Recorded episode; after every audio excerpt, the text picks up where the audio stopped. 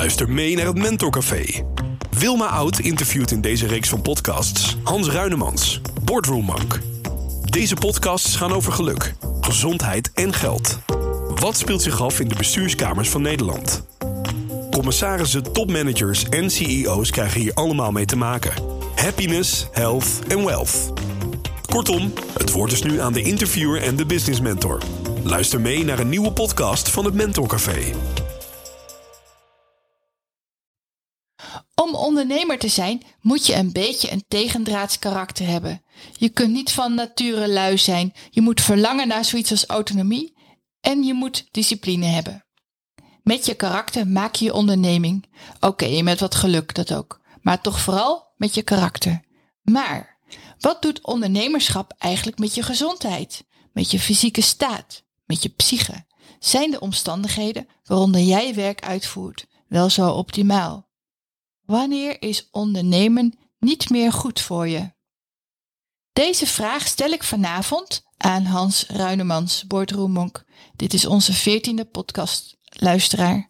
Buiten is het donker, je hoorde al dat het avond is. En binnen is het licht lelijk blauw. Dat krijg je van al die schermen. Niet goed voor je melatonine aanmaak trouwens. Toch, Hans? Inderdaad, Wilma. Blauw licht verstoort je bioritme.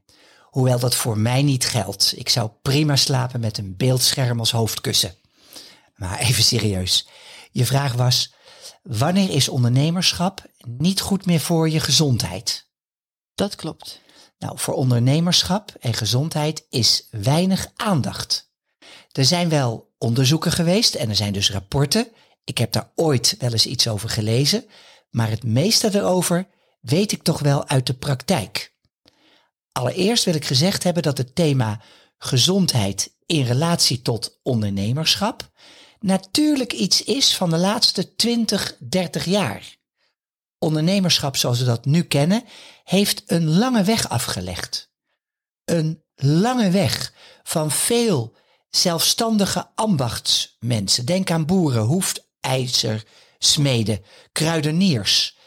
Uh, veel arbeiders daarna, die dan weer compleet werden uitgebuit in de fabrieken, in de mijnen. En dan weer eens een periode waarin de arbeiders beschermd werden door allerlei wetgevingen. Economische voorspoed, waar ondernemers door groeiden. En daarna de crisis van de jaren, zeg het dus. Ja, 08 en, uh, en verder. De, de, economische crisis, ja. Dus het, het, uh, je zegt het werknemerschap. Uh, en het ondernemerschap heeft allerlei gedaantes gehad. Ja, de situatie van nu is totaal anders. Zoveel zelfstandige ondernemers in zoveel gedaantes. Het kan niet zo zijn dat iedereen dat ondernemers DNA, die entrepreneurial spirit in zich heeft. En dat is ook niet zo. Ik kijk nu ook naar mezelf. Ik ben dan wel een ondernemer, maar het echte zuivere ondernemers DNA, zoals jij dat noemt, dat heb ik ook niet. Een behoorlijke onderneming vanaf de grond opbouwen, dat is niet makkelijk. Heel veel ondernemers die ik ken, die, die zijn zo, die kunnen niet anders. Dat zijn ondernemers vanaf de zandbak en die vinden het helemaal geen goed idee om bij een werkgever aan de slag te gaan. Maar voor veel anderen komt het ondernemerschap als een goed moment, je kunt ook zeggen als een alternatief, omdat de baan gestopt is. Je zei het al, dat succesvol ondernemen, en ik leg bewust de nadruk op het bijvoeglijk naamwoord succesvol, maar je zei dus dat succesvol ondernemen afhangt van je psyche. Ben je een doorzetter? Hou je van autonomie? Kun je jezelf zo nu en dan beheersen? De beloning uitstellen? Je hebt een enorme klapper gemaakt, niet direct een Porsche, maar een hele lange tijd een Volkswagen Polo. Je eerste miljoen op een IKEA-bureaustoel. Ja, of, of op een sinaasappelkissie. Ja. Je moet ook de drive hebben om de beste te willen zijn. En om terug te komen bij je vraag in het begin. De vraag was, wanneer is ondernemerschap niet goed meer voor je gezondheid? Nou, wat vaak vergeten wordt, is dat een ondernemer ook gewoon een, een in de basis goede gezondheid moet hebben. Een goede geestelijke gezondheid en een sterk fysiek gestel. Ik kan je zeggen, bij heel veel ondernemers zit dat goed. En dat komt natuurlijk ook door dat karakter, de discipline, dat ondernemers-DNA. Dat helpt bij de gezondheid. Bij weer een heel groot deel van de ondernemers, die, ja, zou ik zeggen, kan die gezondheid stukken beter. En ik ontmoet ook mensen bij wie de gezondheid gewoon niet op orde is. En waar blijkt dat dan uit dat de gezondheid niet op orde is? Nou, soms is het gewoon te zien. Vermoeidheid, uh, of ze zien er vermoeid uit. Ze gapen in een vergadering, slechte huidskleur, overgewicht, kwalen. En in de meeste gevallen komen ze bij mij, business mentor, vanwege mentale issues. En, maar zijn dat dan startende ondernemers of zijn die al een tijdje bezig? Nee, um, zeg startende ondernemers. Helemaal niet altijd. Alles komt voor. Maar relatieve starters zie ik inderdaad regelmatig. Ze zijn vaak ook wat ouder. Ja, dus die zijn al een tijdje op weg. Ja, Korte tijd. Ja, ze komen soms uit gewoon een grote corporate. Ja. Uh, en als startende ondernemer word je natuurlijk geconfronteerd met veel onzekerheden, met een hoge werkdruk, met lange werktijden, langer, niet altijd, maar vaak wel dan ze gewend zijn, met een wankele financiële basis en met de onmogelijkheid om uit te kunnen zieken. Toch geven ondernemers meestal aan, en dat lees je dan uh, in uh, artikelen in de krant, uh, dat ze gelukkiger zijn met hun onderneming dan dat ze waren als werknemer. Dus ondernemerschap brengt geluk voort. Dat klopt. In een enkel geval denk ik dan, als ik zoiets hoor, dat het een sociaal gewenst antwoord is. Maar laten we nou eens voor het gemak ervan uitgaan dat het het echte antwoord is. De andere kant van het ondernemerschap is natuurlijk dat de geestelijke en lichamelijke belasting veel groter is. Veel groter dan die van een werknemer. Inderdaad. Heel vaak is het een onderhuidse kwestie. Het ondernemerschap is leuk en boeiend en zo wordt het ook ervaren, maar tegelijkertijd zijn er altijd veel momenten waarop het tegen zit. En zekerheid heb je als ondernemer maar zelden. En als je het dan hebt, ja, dan duurt het nooit lang. Eigenlijk heb je het dan over voortdurende stress. We hebben het dan over de gevolgen van voortdurende, voortdurende en niet aflatende stress. Stress, ja, stress is een verzamelnaam, hè? Klopt dat? Ja, dat klopt. Uh, het is een verzamelnaam voor alles waarvan je hartslag en je bloeddruk omhoog schieten en waarvan je ademhaling hoog komt te zitten, oppervlakkig wordt. En waardoor je waarneming verandert. Je spieren spannen zich aan. Er komen extra hormonen vrij. Noem de ellende maar op. Stress moet niet te lang duren. Ja, dat snap ik. Onbegrip en eenzaamheid in het uh, relatief nieuwe ondernemerschap, dat kan natuurlijk ook een rol spelen. Zeker. En voeg daaraan toe gebrek aan steun en begrip. Je kunt nachten wakker liggen van debiteuren die maar niet betalen. In een vorige podcast hadden we het erover. En je partner zegt, ah joh, ze betalen heus wel. Maar daar heb je eigenlijk niks aan als je een toppende ondernemer bent. Well, I thought I heard the captain say, pay me my money down. Tomorrow is our sailing day. Pay me my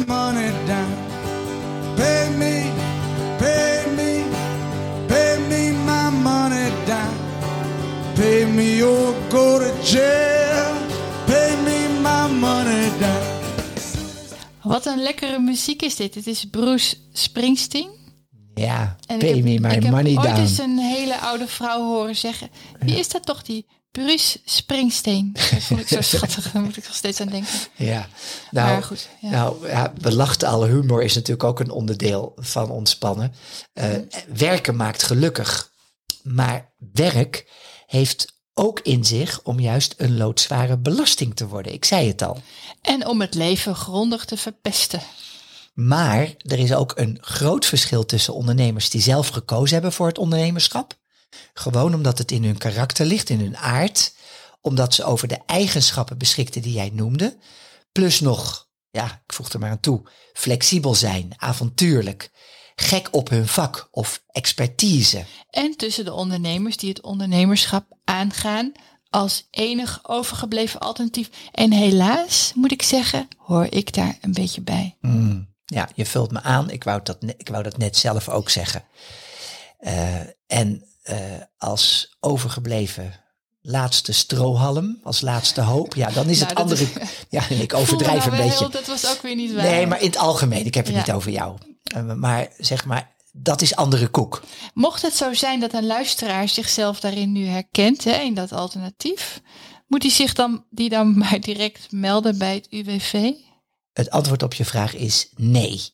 Er hoeft niets aan de hand te zijn. Succes is altijd mogelijk. Ze moeten wel veel kritischer voor zichzelf zorgen, naar zichzelf kijken en hulp en ondersteuning vragen. Dat is echt heel belangrijk. Eh, ja, er kan van alles gebeuren, hè? ook met ondernemers. Als ondernemer kun je ook zonder werk komen te zitten. Right. Ze kunnen ziek worden. Of kijk naar de economische effecten van corona. Het werk kan stilvallen. En dan wordt de ondernemer harder gepakt dan de werknemer. De ondernemer die niet kan of mag ondernemen, die niet aan het werk kan, ja, of die grote verliezen leidt, die heeft het zwaar. Ik heb mezelf als niet geboren ondernemer van alles moeten aanleren. En dat was best een lange weg. Mhm. En ehm, zoals je zei dat... eh, wat zei nou net? Ja, ik ben het even kwijt hoor. Nou ja, je hebt het gewoon zwaar. eh, want je, de, de omstandigheden die kunnen zo snel switchen. Er is, er is disruptie. Je bent echt beter af als je het ondernemers-DNA hebt. Ja, En je, er komt zoiets aan als corona. Misschien komt er over een jaar of wat iets nieuws aan. Je bent beter af als je het ondernemers-DNA hebt. zo is het maar net. Je zei zojuist al dat je als ondernemer moet verlangen naar autonomie. En autonomie is inderdaad een factor van geluk.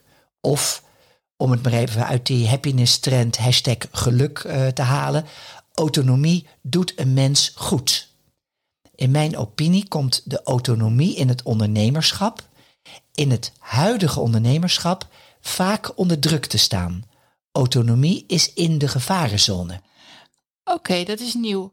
Je zegt dat ehm, ondernemers verlangen naar autonomie. En vooral degene met het echte DNA, het ondernemers-DNA. Eh, en ik hoor dat je zegt dat er minder eh, autonomie is eh, op dit moment of in deze periode waarin we leven. Er is minder autonomie voor de ondernemer. Hoor, is dat wat je zegt? Zeker, ja. En nog een keer kom ik terug op een eerdere podcast. Die ging over het betaalfatsoen. Ik zal het niet allemaal herhalen, maar een afhankelijke houding ten aanzien van je debiteuren staat haaks op die autonomie. En daarnaast, de ondernemer is dan wel geen slaaf. Sorry voor het woord, ik doe niet aan woordpolitiek. Geen slaaf dus van de werkgever. Geen slaafgemaakte. maar in heel veel gevallen wel bijna een tot slaaf gemaakte ja, Oh, ja, ja. van de digitalisering. Denk aan sociale media waarop berichten gepost worden, e-mails die binnenkomen. Wat denk je van al die WhatsApp-groepen waar je in zit? De ondernemer is continu bereikbaar en vrijwel geen moment los van werk. Terwijl je echt van tijd tot tijd moet ontspannen. Ja, en dan ga ik even terug. Mijn vader die had een recreatiebedrijf, een grote camping. Van Pasen tot ver in oktober was het keihard werken. Gewoon 16 uur per dag, zeven dagen in de week. En dat zo'n zes, zeven maanden lang. Maar daarna, van oktober tot april, was het doodstil. De reeën graasten in onze achtertuin. Oké, hij timmerde in die periode hele vakantiehuisjes. Hij plantte bomen aan. Hij repareerde de speeltoestellen. Maar dat sloeg hij rustig een week over. De inspanning werd afgewisseld met ontspanning. Hij wist waar hij naartoe werkte. Naar de pauze in de wintermaanden.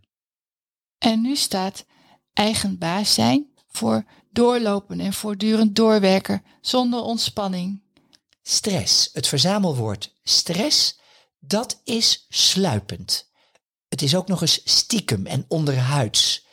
zelfs het negatieve kopingsgedrag zie je niet bij jezelf. Het negatieve kopingsgedrag. Ik dacht dat coping altijd negatief was, is, was. Nee, coping is de manier waarop een mens met spanning omgaat. Je kunt het afreageren noemen, of afleiden of compensatie. En je hebt een dele gelijk. Negatief is natuurlijk dat je gaat drinken, roken, snuiven. Denk aan overmatig sporten, gokken, liegen, vreemd gaan. Maar het kan ook positief. Lezen, een extra studie, je verdiepen in de filosofie, naar het voetbal, kickboksen, hardlopen, mediteren. Ik komt allemaal voorbij. Met de kinderen mee naar hockeywedstrijden. Legoen. Ja, ik weet dat jij erin investeert. Waarom niet? Ja, ik koop namelijk uh, Lego pakketten en dan hoop ik dat het over een paar jaar heel veel waard is. Ik hoop het ook voor je. En wie weet. Kijk, ondernemers beschikken idealiter over alles wat je in het begin van deze podcast opnoemde. Dus misschien valt het met jou wel mee. Maar wat was dat ook alweer wat ja, je ik zei, wat ben je als ondernemer? Moet je wel een beetje tegendraad zijn, actief, gedisciplineerd. Je moet verlangen naar autonomie. Precies.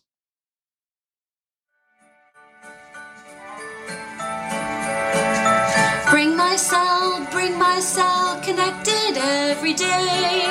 Oh, what fun it is to own a small business today. Bring my cell, bring my cell, connected every day. Oh, what fun it is to own a small business today. Grappig dit. Ja, en dat brengt mij bij het volgende punt. Je moet als ondernemer terug kunnen vallen op jouw eigen hulpbronnen. Oh, hulpbronnen. Ja, je hulpbronnen. En die zijn materieel, sociaal, fysiek en psychologisch. Met die hulpbronnen ben je beter in staat om de stress de baas te blijven. En dus om je welzijn als ondernemer vast te houden, waardoor natuurlijk automatische slagingskansen groter zijn. Op je hulpbronnen kun je terugvallen. Hulpbronnen, dat uh, wist ik niet, heb ik nog nooit van gehoord. En ik, je zei materieel, sociaal. Fysiek. En psychologisch? Inderdaad. Materieel, sociaal, fysiek en psychologisch. Je hulpbronnen moeten in orde zijn. Zal ik dat uitleggen? Nou, graag. Nou, een materiële hulpbron is je concrete werkomgeving. Die omgeving moet goed zijn. Geen sombere zolderkamer om in te werken, geen verkeerde stoel, goede computer, laptop, auto, telefoon, hele rattenplan. Tot en met de pennen en de perforator als je daar nog mee werkt. Is dat niet in orde, dan moet je daaraan werken. De sociale hulpbron is je netwerk. Ook je partner en je familie vallen daaronder. Met wie kun je praten? Wie zijn je vrienden? Wat zeggen je ouders? Kraken ze je af of denken ze met je mee? Heb je een mentor? Denk daarover na en werk daaraan. Ik organiseer bijvoorbeeld elke week groepsgesprekken met voornamelijk ondernemers. Ik doe ook korte telefonische consulten. Heel veilig, heel nuttig. En heb je nog je fysieke hulpbron. Nou, dat uh, ligt voor de hand. Je moet fit zijn, sterk, gezond. En dat betekent dat je sport, beweegt. Dat betekent dat je je rust neemt. Dat je genoeg, genoeg slaap krijgt. Dat je jezelf op een digitaal dieet zet. Daar help ik mensen soms bij. Zo ken ik een belangrijke bestuurder die van 9 uur s avonds tot 9 uur s ochtends alleen nog maar bereikbaar is op zijn Nokia, tweede telefoon, voor familie. En dan de laatste, de vierde, dat was de psychologische hulpbron. Nu zou je kunnen zeggen dat dit alles bij elkaar garant staat voor een goede mentale staat. Maar dat is niet per se het geval. Waarom niet? Nou, een ondernemer moet voortdurend aan zichzelf werken, aan de vorming van zijn of haar karakter. Dat komt omdat alles verandert. Het economische landschap blijft zich aanpassen en alles in jouw sector verandert mee. En daarnaast kan het zijn dat je je leven, uh, ja, opeens, dat het opeens een andere kant op gaat. Het, het beweegt zich diametraal een andere richting op.